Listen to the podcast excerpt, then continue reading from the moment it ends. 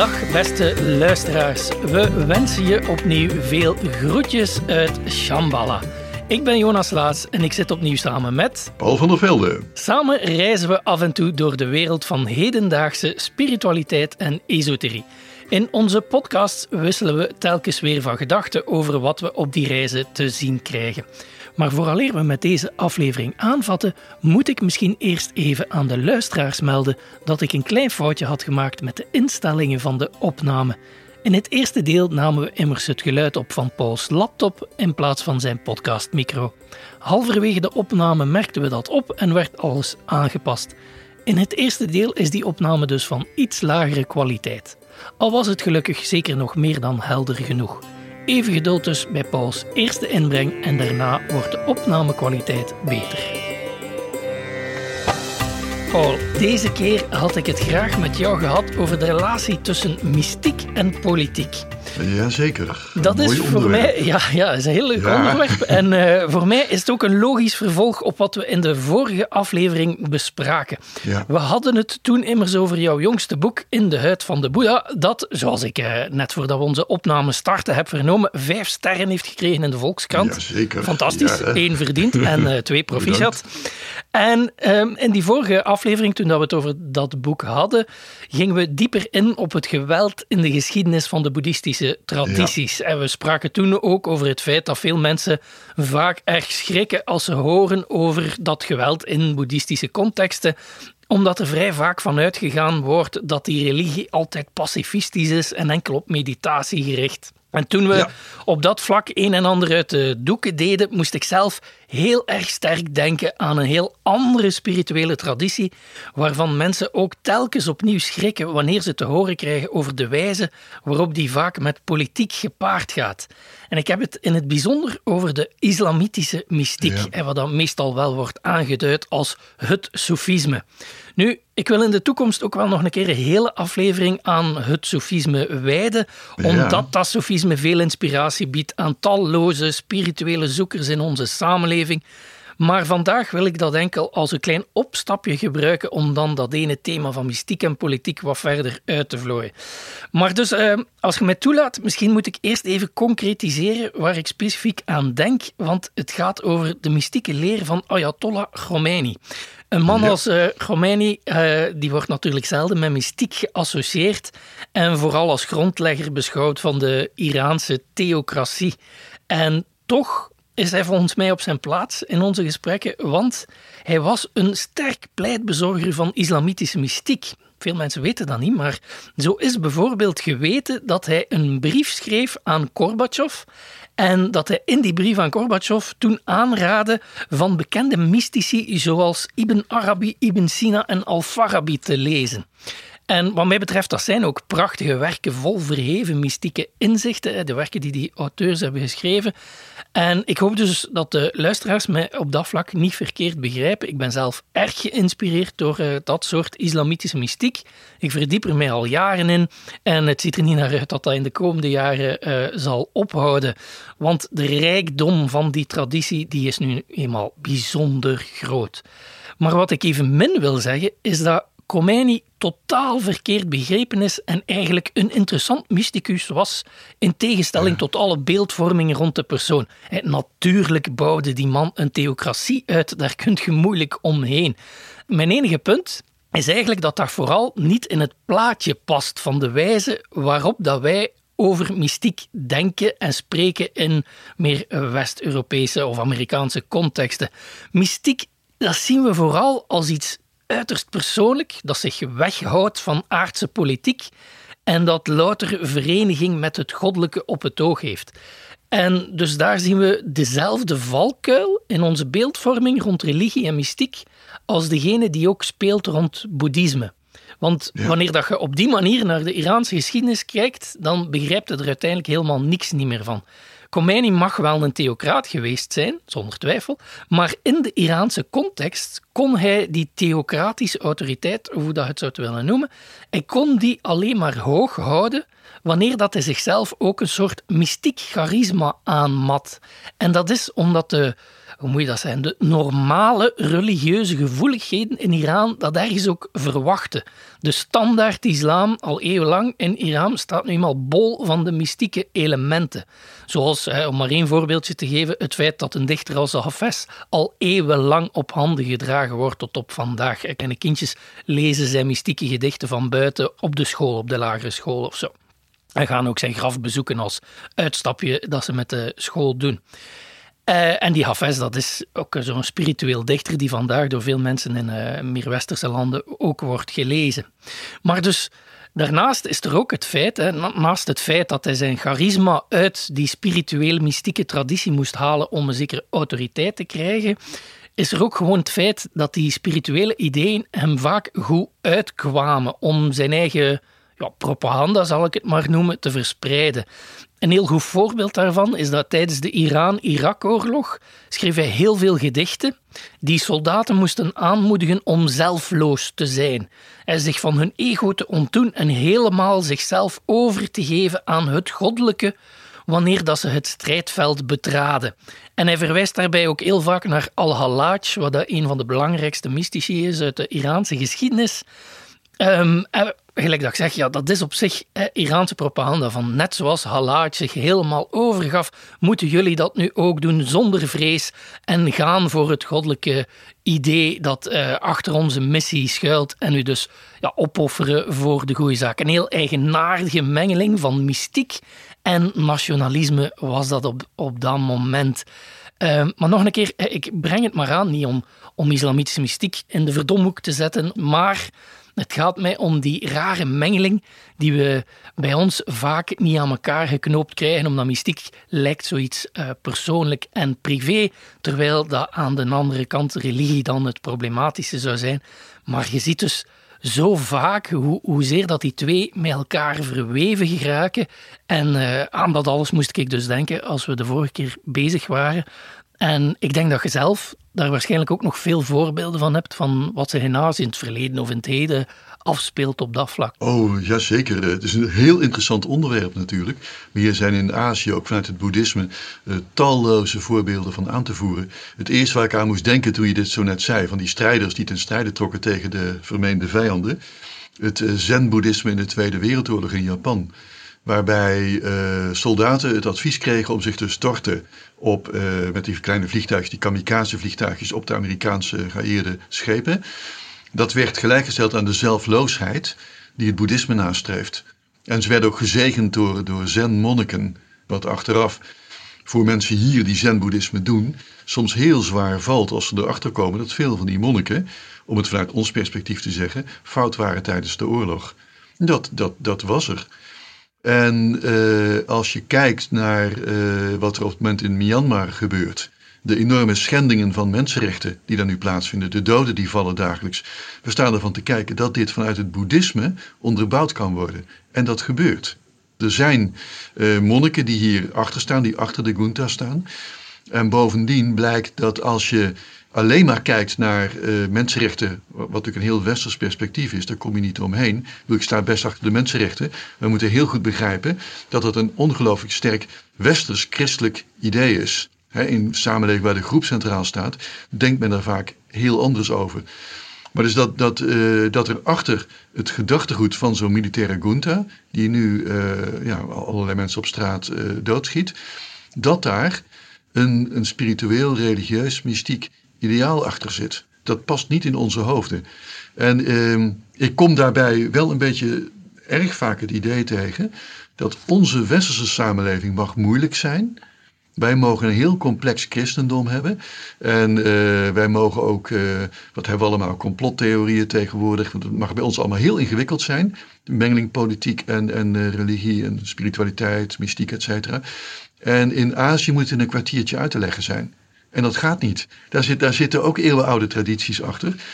En uh, ik heb een tijdje terug een lezing gegeven over uh, ja, de, de, de symboolwereld van het boeddhistisch animisme. En die term gebruik ik daarbij voorkeur voor. Een beetje verouderde term, animisme misschien, het zal best. Maar dan weten de mensen waar we het over hebben.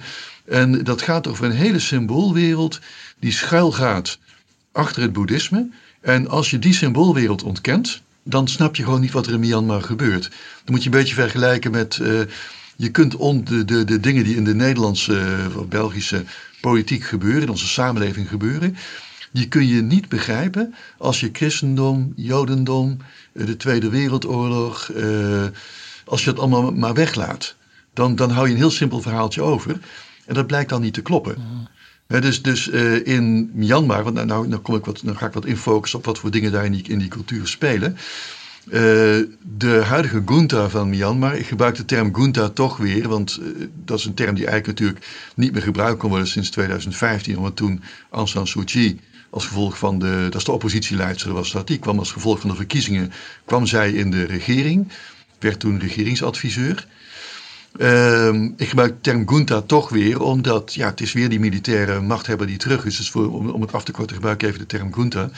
Die junta, uh, die gelooft in een hele symboolwereld achter alle incidenten. En Aung San Suu Kyi doet daar even hard aan mee. Want dat speelt nou eenmaal in de Burmeese cultuur. Dat is er. He, uh, Burma, Myanmar is niet alleen maar boeddhisme. Ja, het is wel boeddhisme. Iedere Burmees is boeddhist, zogenaamd, op de enkele moslims en enkele christenen na. Maar uh, ja, astrologie speelt een grote rol, numerologie speelt een grote rol, voortekenen spelen een enorme rol en met name ook het bezit van magische objecten. In de Swedagon-pagode in Yangon worden zeven haren van de Boeddha bewaard. En de Gunta doneert heel veel goud aan de stupa die daar staat, dus die grote pagode, en bezit daarmee de kracht van deze haren. En het goud wat oorspronkelijk op de Swedagon zit, dat is door Myanmar gestolen uit uh, Ayutthaya, door de Kongbangset-dynastie. En die hadden het, Ayutthaya ligt in Thailand, is de oude hoofdstad van Thailand, die hadden het weer uit Angkor meegenomen van de Cambodjanen. En zo zie je, je neemt de macht van zo'n vorige koning neem je mee door het goud te stelen. Het goud, ja, stelen, dat heet dan veroveren. Hè? Dus als je het uh, met een veldtocht doet, dan mag het opeens allemaal wel. Hè? Dat is hoe dat werkt. Ja. Nou goed, zo ook eh, als je in Laos komt, in Vientiane. Daar heb je een paar hele mooie tempels en daar staan prachtige Boeddha-beelden. Maar de ogen zijn eruit gehaald. Dat hebben de Thais gedaan. En waarom, waarom haal je nou de ogen uit Boeddha-beelden? Want je vereert dezelfde Boeddha. Hè? Eh, Laos en Thailand hebben dezelfde vorm van boeddhisme, allebei Theravada. Je haalt de ogen eruit, want daarmee neem je de macht van de koning daarmee naar Thailand. En met die ogen ga je zelf wat doen. Het ziet er heel gruwelijk uit, maar dat, dat is wat, ja, wat speelt. Bezit van dingen. En de Gunta, uh, Nevin, dat was, die heeft een staatsgreep uitgevoerd in 1962, ook weer zeer bloederig en zo. Nevin, die heeft op een gegeven moment uh, alle bankbiljetten vervangen door bankbiljetten van, met getallen van 9. Dus uh, 90 chat, 45 chat en zo. Hè. 4 plus 5 is ook 9. Um, en dat was dan omdat hij in de 9 is het hoogste mannelijke getal. Dat was zijn geluksgetal. Aung San Suu Kyi en de oppositie werkten met het getal 8. de grote uh, opstand van 1988 was ook op 8 augustus 1988. 88, 19, 88. En 9 min 1 is ook 8. Ja, dus, uh, Aung San Suu Kyi zit in precies dezelfde symboolwereld. En uh, dwars doorheen loopt hij weer een andere cultus, de cultus van de nats, van de lokale geesten. En als ik dat in lezingen noem, dan krijg ik soms de reactie: ja, maar dat is toch niet echt boeddhisme, daar geloven mensen toch niet in? Daar geloven ze wel in. Als je bij de andere grote pagode komt van Yangon, de Sulamani, dat zit helemaal vol, zoals het heet, occultisten, astrologen.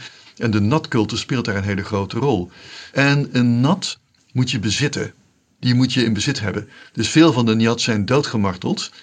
En uh, vervolgens zijn de organen begraven onder de stadsmuur of onder een belangrijk gebouw of zo. Daarmee heb je zo'n nat in, in, bezit. En dan kan men zeggen, wat heeft dat nou met Aung San Suu Kyi te maken? Nou, Aung San Suu Kyi is natuurlijk jarenlang uh, politiek gevangene geweest. He, had, ze had huisarrest, zat in haar huis. Haar vader, overigens de stichter van het leger, de stichter van het Tatmadaw, die nou al die dingen dus, dus, dus uitvoert, al die gruwelijkheden. Haar vader is vermoord. Zie daar de connectie met marteling, met, met vermoorden, et cetera. En zij identificeerde zich met een hele sterke nat met Lady Goldenface. En Lady Goldenface, daar speelt er weer een mythe omheen. Uh, broer en zus, Lord Handsome, Lady Goldenface. Um, de koning is bang van Lord Handsome, die is veel te sterk. En hij wil hem verslaan. En hij vraagt dus de, de zus als bruid. Dus hij huwt met Lady Goldenface. En na een tijdje zegt hij tegen die Lady Goldenface: Ach, laat jouw broer maar terugkomen. Ik ben niet boos meer op en ben ook niet meer bang van hem, laat maar komen. Nou, Lord Handsome komt terug. Wordt door sterrenwiggelaars verslagen. En met een mystieke speer die nog uit de Mahabharata stamt, het grote epische werk van India. Eh, Lord Handsome wordt aan een boom gebonden en verbrand. Maar Lady Goldenface stort zich in het vuur.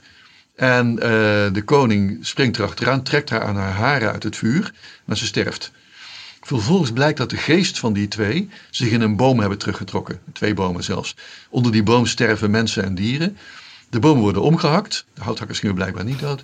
Worden in uh, rivier gegooid, drijven af. Daar worden twee beelden van gemaakt. Dat zijn nou de beschermgoden van de oude stad Bagaan. En Lord Handsome en Lady Goldenface. Aung San Suu Kyi zal zich altijd kleden in de kleuren van Lady Goldenface. En draagt haar bloemen in het haar. En weet je, continu die connectie naar zo'n cultus. Dan kan men zeggen, ja, maar dat heeft niks met, met politiek te maken. Uh, jawel, dit, dit, dit gaat dwars door politiek heen werk, uh, lopen. En uh, we kunnen ook zeggen, dit is bijgeloof, dit hoort niet bij boeddhisme. In Myanmar hoort dit wel degelijk bij het boeddhisme. Ja. En ik kan zo echt een hele tijd doorgaan hoor. ja, Ashin Wiratu, die monnik die zich tegen de Rohingya's keert, tegen de moslimminderheid heeft als geluksgetal 969 en heeft dan een ander getal symboliek tegen uh, de Rohingya's. Dit wordt helemaal onderbouwd vanuit ja, die boeddhistisch-animistische wereld. ik heb daar nog een specifieke vraag bij. Los van die animistische ideeën, zit er dan ook zo een idee rond zelfloosheid in? En dat we dan wel standaard met boeddhisme associëren? Zo echt van uh, het, het, wegwerken van uw ego enzovoort. Is dat ook iets dat in dit conflict wordt meegenomen? Dat speelt hier minder. Dat speelt hier minder. Het kan natuurlijk wel spelen bij uh, mensen die uh, doodgeschoten worden nu op straat door de Tatmadaw, door het leger. Maar ik weet ook, dat weet ik met name nog van de opstand van uh, eh, 2007 was dat, toen al die monniken opeens de donaties van de Gunta weigerden. Mm -hmm. de monniken werden op een gegeven moment teruggedreven de kloosters in. Toen namen leken de protesten over. En die leken, die ontbloten hun borst. En zeiden toen tegen het leger: schiet maar, schiet maar. En het leger schoot niet. En dat had ermee te maken dat uit de bloeddruppels van onschuldig vergroten bloed, daar komen weer wraakzuchtige nats uit voort. Okay. Maar uh, er, er, speelt denk ik wel bij sommige mensen het idee, als je valt in deze strijd tegen de Gunta, is dat een vorm van zelfloosheid. Maar die uh, zelfloosheid speelt niet zozeer in boeddhistisch animisme. Daar is dat niet echt een thema. Ja, dat is het is wel zo dat als iemand uh, ja, omkomt, hè, bijvoorbeeld in het kraambed sterft een vrouw, of, of iemand komt uh, om vechtend voor de goede zaak, uh, dat wordt wel een sterke nat. Mm. Dus de, de, de geest van die persoon eh, zal wel een heel sterke beschermgeest worden. Of een, gast, een, een nat die je moet aanroepen bij bepaalde kwesties. Die nats dienen ook vaak als orakel. Hè? Dus ze hebben sinds 1057 geen eigen tempels meer, die ze vroeger wel hadden. Maar in 1057 heeft koning Anuvrata, uh, die, heeft, die was onder invloed gekomen van een monnik die uit Sri Lanka was gekomen, Sin Arahan. En toen heeft Anuvrata, uh, die heeft de Ari-monniken uitgemoord. Dus dat was een concurrerende boeddhistische richting. Hij was zelf puur Theravada. Daar zie je alweer het, uh, het vermeende geweldloze karakter van het boeddhisme. Heel veel monniken zijn toen vermoord. En hij heeft ook de, getracht om de natcultus uit te roeien. Dat is hem gelukt, behalve met 37 nats. Die heeft hij moeten handhaven. Eh, maar de tempels heeft hij afgebroken en sedertdien trekken de nats rond. Dus die, die trekken rond en die nemen bezit van orakels. En die orakels, dat, dat zie je wel vaker bij ja, shamanisme, orakels, et cetera. Dat zijn vaak mensen die uh, ja, 12 ambachten, 13 ongelukken. Hè? Mensen voor wie het leven niet makkelijk loopt. Het zijn ook vaak uh, interseksuelen of, of transseksuelen of zo, mensen die, die niet uitgesproken zijn, niet, niet man of, eh, of vrouw, hm. niet één kant op. Nou, uh, bij zo iemand loopt het leven voortdurend mis, huwelijk gaat mis, banen gaan mis, et cetera. Tot een ander medium herkent in zo iemand, jij kon wel eens een, een natpriester moeten zijn. En dat gebeurt dan vaak ook. Ik heb een paar keer van dat soort uh, bezetenheidsrituelen meegemaakt. Dus ook een paar keer in uh, Myanmar, ook elders in Azië. En dan, dan neemt zo'n nat neemt bezit van zo'n persoon. Ja, en dan komt de orakeltaal uit. moet ik altijd iemand omheen lopen die dat allemaal interpreteert, want het is vaak ja, tongentaalachtig. Dus voor een normaal oor niet helemaal uh, begrijpelijk. Dus er moet iemand uh, moet dat uitleggen. En daar wordt uiteraard ook mee gemanipuleerd met dat soort orakeltaal. Dat gebeurt ook. Ja, en daarmee zijn we wel een beetje um, op de definitiekwestie van mystiek natuurlijk. Hè? Want we zijn ja. heel breed aan het interpreteren. Ja. Uh, spiritueel animistische ideeën zijn we eronder aan het plaatsen. Nu, mystiek in, in uh, klassieke christelijke theologie wordt dat eigenlijk redelijk strikt gedefinieerd als een uh, passieve ervaring van het goddelijke. En de drie elementen zijn daarin van belang. Eén, passief, dus het overkomt u. Het is niet iets dat je zelf uh, doet, maar het overkomt u. Uh, het is een ervaring. Het is, het is niet iets dat je met verstand bedenkt, maar iets ja. dat je van binnen ervaart en voelt. En van het goddelijke dat je helemaal inneemt. Dus iets van buitenaf dat je binnenin inneemt. Um, nu goed, uh, dat is dan binnen de christelijke theologie. Het wordt wat moeilijker als je dan naar andere uh, contexten en tradities probeert over te plaatsen. Maar in elk geval, juist op die moeilijke ja. grens van wat is mystiek, valt dat animisme op dat punt er wel ja. onder, vind ik. Omdat ja, hetgeen dat je beschrijft, zo van die bezetenheidscultus die wereldwijd bestaan, op dat moment gaat het over een passieve ervaring van iets dat u inneemt en helemaal overneemt. Dus dan dat kunt je moeilijk anders dan een mystieke ervaring noemen. Ja. Eentje dat we hier in de, de mooie spirituele literatuurboekjes gaan tegenkomen, maar wel eentje dat zeer wijd verspreid Zeker. is als je het wereldwijd bekijkt. Ja. En waar dan mensen ook naar op zoek zijn. Ook iets voor een volgende keer in ons podcast. Als ze, weet ik het, met uh, ayahuasca en andere ja, uh, drugsrituelen um, bezig zijn, dan proberen ze in te haken op dat shamanistische en de geesten um, in hun hart toe te laten of zoiets. Hè. Het is daarom ook dat ik die, die vraag stelde rond zelfloosheid, omdat volgens mij daar een beetje de sleutel zit om te begrijpen waarom dat mystiek zeker niet alleen persoonlijk blijft, maar vaak ook politiek wordt. Ja. Om nog één voorbeeldje te geven uit de christelijke context, om die er ook even bij te betrekken, want die, die is daar zeker niet vrij van. Integendeel, mijn, mijn favoriete voorbeeld op dat vlak is altijd Bernardus van Clairvaux. Omdat -hmm. Bernardus, uh, was dat 13e eeuw of zoiets, of 12e eeuw, um, die man staat voor twee dingen gekend. Eén, hij was een van de grootste predikers tijdens de, een van de vele kruistochten. Dus hij, hij riep mensen op om te gaan vechten. En was uh, dik bevriend met de toenmalige paus en zo. En, en, was ook echt gekend als iemand die mensen enthousiasmeerde om zo ver te, te gaan. En, ja. en de wapens op te nemen en, en uh, op reis te gaan. Maar Bernardus van Clairvaux is tegelijkertijd de man die een van de bekendste prekenbundels heeft geschreven rond het hooglied. En dus de, de echt mystieke of de typische uh, middeleeuwse christelijke mystieke invulling van het hooglied en van dat symbolisch te interpreteren en van daar echt iets van te maken of, of ja. daarin iets te zien, wat we vandaag nog zonder probleem als zeer diepgaande mystiek zouden herkennen. En het interessante voor mij is dat die twee bijna nooit aan elkaar gekoppeld worden. Als je ja. een, een, een, cursus uh, christelijke geschiedenis over kruistocht leert, ga je hem tegenkomen als de prediker. En anderzijds, als je boekjes leest over middeleeuwse christelijke mystiek, Hadeweg, Rusbroek enzovoort, dan gaat je hem daar ook in tegenkomen als de ja. man van het ooglied. Maar die twee gaan niet aan elkaar gekoppeld worden, omdat hij in ons hoofd zo moeilijk is. Ja. Um, Terwijl dat ik denk, ja, eigenlijk is het niet zo moeilijk, want als het heel vaak binnen de mystiek gaat om het zelfloze, en dat is ook nodig als je die ervaring van het goddelijke wilt, je, uw ego moet eruit om u dan te kunnen laten gevuld worden door iets, iets groter dan uzelf. Maar als dat het is, ja, ik snap dat dat op persoonlijk vlak natuurlijk ja. iets heel mooi kan zijn, dat heel veel betekent in je leven, zeker als je zo'n echte mystieke ervaring opdoet.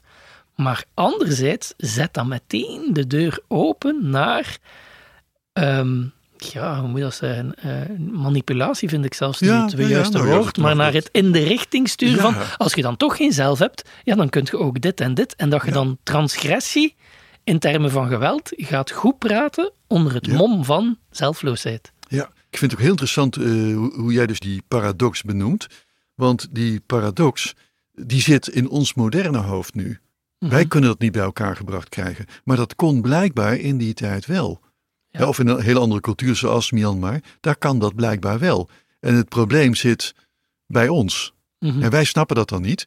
En dat maakt wel dat het een heel interessant schuurpunt is om te kijken, ja, maar wat speelt er dan? Want er is iets. Ehm, die mensen zijn niet gek, dat waren ze toen niet en nu ook niet.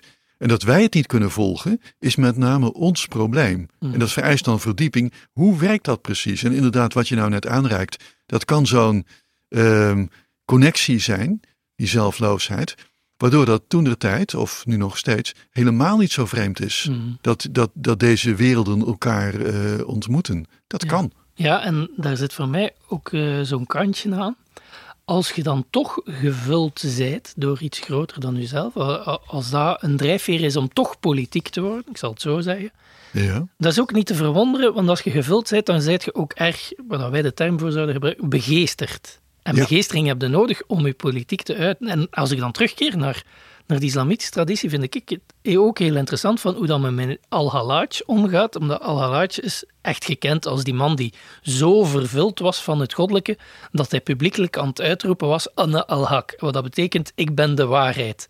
Ja. En uh, ja. dat klinkt ook mooi in, in het Nederlands, omdat Anne al-Hak, en het was hak zijn hoofd eraf, omdat je natuurlijk, als je zegt, ik ben de waarheid, dan zeg je eigenlijk, ik ben God, en dat, dat mocht niet, en dus werd hij dood. Nu, als daar vandaag in spirituele literatuur over geschreven wordt, dan lijkt het alsof dat hij louter daarvoor zijn hoofd is afgehaakt. Van, hij was zo mystiek vervuld van het goddelijke. En dat mocht allemaal niet. Dus, en daar krijg je dan de standaard religie islam. Kon daar niet mee om dat er ook zo een mystieke man rondliep. Ja, dat is een totale uh, miskenning van de realiteit. Want ja, die Al-Halaj mag mystiek geweest zijn. Maar als je dan gaat graven in zijn leven, je moet daar soms echt naar zoeken. Uh, iemand als uh, Annemarie Schimmel heeft een heel dik boek over islamitische mystiek.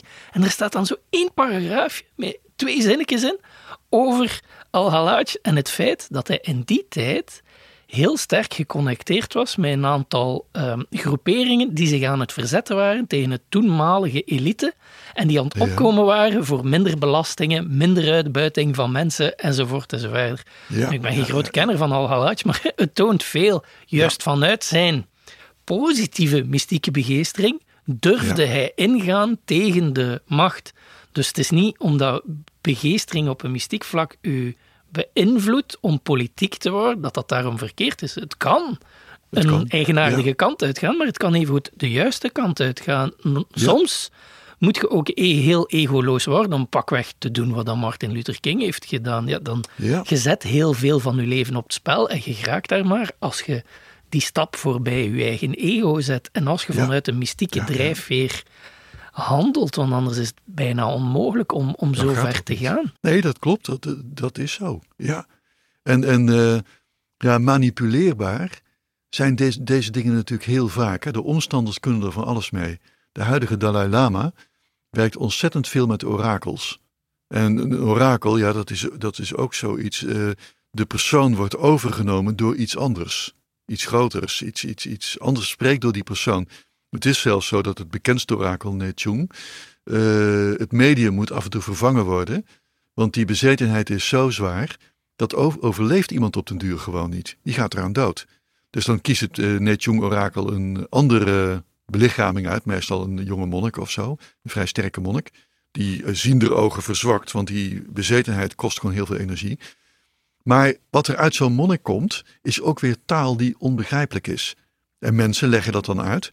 En ja, daarmee zie je ook weer, uh, men leest ook heel vaak in de woorden van zo'n orakel, wat men erin, ja, wat, gunstig uitkomt. Kijk, we kunnen natuurlijk nooit uh, onder, uh, buitensluiten dat deze uitleggers het echt verstaan. Maar als je naar kijkt, dan denk je, wow, hier zitten ook wat andere krachten zijn bezig. Maar het zou natuurlijk kunnen, hè, dat het orakel dit echt zegt. Ik versta ze meestal niet, maar dat, kan weer, dat zal weer aan mij liggen hoor. Uh, dus dit, er komt meestal, ja... U, uw pali is niet sterk genoeg. Ja, is niet sterk genoeg. Dat zal het dan wel weer zijn. Ja, het ligt weer aan mij hoor. Ja hoor, het ligt weer aan mij. Maar je, je kunt je indenken, dit, dit is heel manipuleerbaar. Maar als het gebeurt, de bevolking gelooft daarin want, want dit werkt zo. En of een orakeluitspraak een goede uitspraak was of een slechte, uh, is ook vaak reconstructie. achteraf, als het goed uitgepakt heeft, ja, dan gaat het de geschiedschrijving in als een fantastische uitleg. Uh, als je ter plekke naast hebt gestaan, ja, dan, dan kan dat heel anders zijn geweest. Maar goed, dat is natuurlijk altijd zo. En dat, dat is iets wat, wat, wat gewoon heel wezenlijk is, wat we vooral niet mogen onderschatten. Het zijn doorgaans de overwinnaars die geschiedenis schrijven. Mhm. Die schrijven het verhaal. En interpreteren uh, voorvallen dan ook vaak vanuit dat gezichtspunt. Ja. en uh, heel veel van de, ja, de heilige verhalen, de verhalen rond heilige gebeurtenissen die, die in Azië zich hebben voltrokken, rond grote monniken, rond grote koningen. Het is allemaal eeuwen later opgeschreven. En uh, dat is dan de werkelijkheid waarmee men leeft. Dat is dan allemaal zo gegaan, naar men zegt. Of het echt zo ging toen je ernaast stond, dat is heel erg de vraag. Ja. want we hebben er niet naast gestaan, althans niet in deze uh, embodiment. Dat maakt dingen uh, complex. Dat is gewoon een heel ingewikkeld iets om, uh, om naar te kijken. Ja. de vorige Dalai Lama was een onvoorstelbaar vrede man, de dertiende Dalai Lama. En veel van die hele vrede beslissingen die hij nam, dat was aan de hand van wat het orakel vertelde. De huidige Dalai Lama maakt er ook gigantisch vaak gebruik van. En als een orakel heeft gesproken, dan durft niemand meer tegen te spreken. Want de andere wereld heeft een, heeft een mededeling gedaan. Ja. Dat is er. Ja, het is interessant. Maar wat je daar zegt van die um, interpretering achteraf, en dan maakt het soms wel gemakkelijk um, om, om uh, er sommige boodschappen in te lezen. Ja. Op zich is dat natuurlijk iets wat we allemaal doen. Hè. Dat gaat niet alleen over orakels, hè, want dat gaat even goed over geschiedenis. En ik vind dat um, sterk verbonden met het thema, omdat als we een geschiedschrijving doen over het verleden, ook wel in dat frame constant vallen van religie aan Ja. de ene kant doet heel veel kwaad enzovoort, maar mystiek, allee, daar zijn zo wat interessante elementjes aan de zijkant. En dus ook in, in onze eigen interpretatie van geschiedenis op zich lezen we er ook maar in wat Ja. we willen lezen. Eigenlijk het voorbeeld Oh, ja. van Bernardus van Clairvaux. Je, splitst hem als persoon zelf compleet op in het ene of het andere boek. En dus dat is interessant. Hè? Ik- op zich zegt dat dan ook heel veel over onszelf. Eh, het, zegt, het zegt heel veel over het concept religie en wat het in onze samenleving betekent. En voor mij ook zegt het heel veel over wat dat je toelaat en wat dat je niet toelaat als, als ideeën en opnieuw als begeesteringen in de Ja. publieke ruimte. Want dat betekent, als mystiek de enige goede vorm van religie is, en we Ja. bedoelen daarmee die vorm van religie die je privé houdt, doe het in Ja. je slaapkamer, maar kom er niet mee in de publieke ruimte, dan heb je ook wel heel veel ideeën uitgesloten. Zeker Ja. van een hele hoop andere culturen en minderheden enzovoort, die met een heel andere beleefwereld eh, ja, eh, aan de slag zijn Ja. in hun leven en dat misschien graag zouden binnenbrengen in het debat, maar niet mogen, want nee, van als het publiek maakt, is het religieus. Dus hou je maar wat mystiek, hou je maar rustig daar en maak het Ja. vooral niet de politiek. Ja, want wat je nog wel eens ziet is, dan wordt er heel vaak gezegd, en dan worden die termen tegenover elkaar gezet. Religie, dat is van het hoofd. Ja, En mystiek of spiritualiteit, dat is het hart. En dan moet je je hart volgen, is allemaal van die, van die, van die neotaal van tegenwoordig. Hè? Je moet je hart volgen en authentiek zijn en in je kracht staan, je kwetsbaarheid tonen en zo. Ik zeg een beetje als standaard antwoord op als, als dat naar voren komt. Ja, maar eh, je moet je hart volgen. Dan zeg ik eigenlijk als standaard antwoord om het echt onderuit te trekken. Zeg dat nooit tegen een serial killer. Dat hij zijn hart moet volgen, want dat gaat niet goed. Zeg dat nooit. Want je, je, je weet in feite niet wat de rijkwijde is van je uitspraak. Want dat klinkt heel positief. Maar dat wil helemaal niet zeggen dat het ook zo positief is. Nee. Als ik zeg dat de Gunta van Burma eigenlijk een spirituele boodschap heeft. Dan zeggen mensen, hoe kan dat nou? Met, met, terwijl al die doden vallen. Nou, in het kader van spiritualiteit vallen er doden. Daar hebben we net, net genoeg eh, van over gesproken. Ja. Dat, dat is er. En maar, maar, maar we leggen spiritualiteit meteen, en mystiek dus ook, meteen heel positief uit. Het goddelijke neemt het over. Ja. Maar eh, dat goddelijke kan ook hele gekke dingen doen. Ja. Die andere kracht die het overneemt. Dat kan ook een eh, heel naar orakel zijn. Nou, ehm, exorcisme, ja, we geven het nou niet meer op de universiteit, maar nog niet zo heel lang geleden was dat een vak wat gegeven werd bij bepaalde eh, theologische faculteiten. Mhm. Omdat ook een, een, een demon iemand zou kunnen overnemen. En hier in Nederland op de Bijbelbelt, daar zijn genoeg christenen, fervente christenen, die niet vinden dat ze yoga mogen doen of mindfulness. Want als ze dat op dat moment doen, dan eh, zijn ze zelf niet onder controle en dan kan een demon kan je overnemen. En daarom mag het niet. Ja. Om deze reden wordt nu Christfulness ontwikkeld. Dus mindfulness voor, eh, voor fanatieke christenen. Fantastisch. Het is dus, ja, zo, zo uh, we kunnen zeggen allemaal exotisch en raar en vroeger en zo. Nee, dit voltrekt zich ook in het huidige tijdsgevricht. Het is er nu ook. Ja, absoluut. Uh, Paul, met, met, het idee dat het goddelijke soms heel rare dingen kan doen als het ons overneemt, um, kunnen we ja. misschien afronden hè, voor uh, deze aflevering. Uh, zo, beste luisteraar, het zit er weer op voor deze keer. Paul en ikzelf wisselen op geregelde tijdstippen van gedachten over allerhande boeiende, spirituele, esoterische en religieuze fenomenen die mensen van oost tot west in de ban houden. Dus voor de luisteraars die dat nog niet zouden gedaan hebben, abonneer je in je favoriete podcast-app, zodat je zeker op de hoogte blijft wanneer onze volgende aflevering online wordt gezet. En in de tussentijd zenden wij u natuurlijk heel veel groetjes uit Shambhala.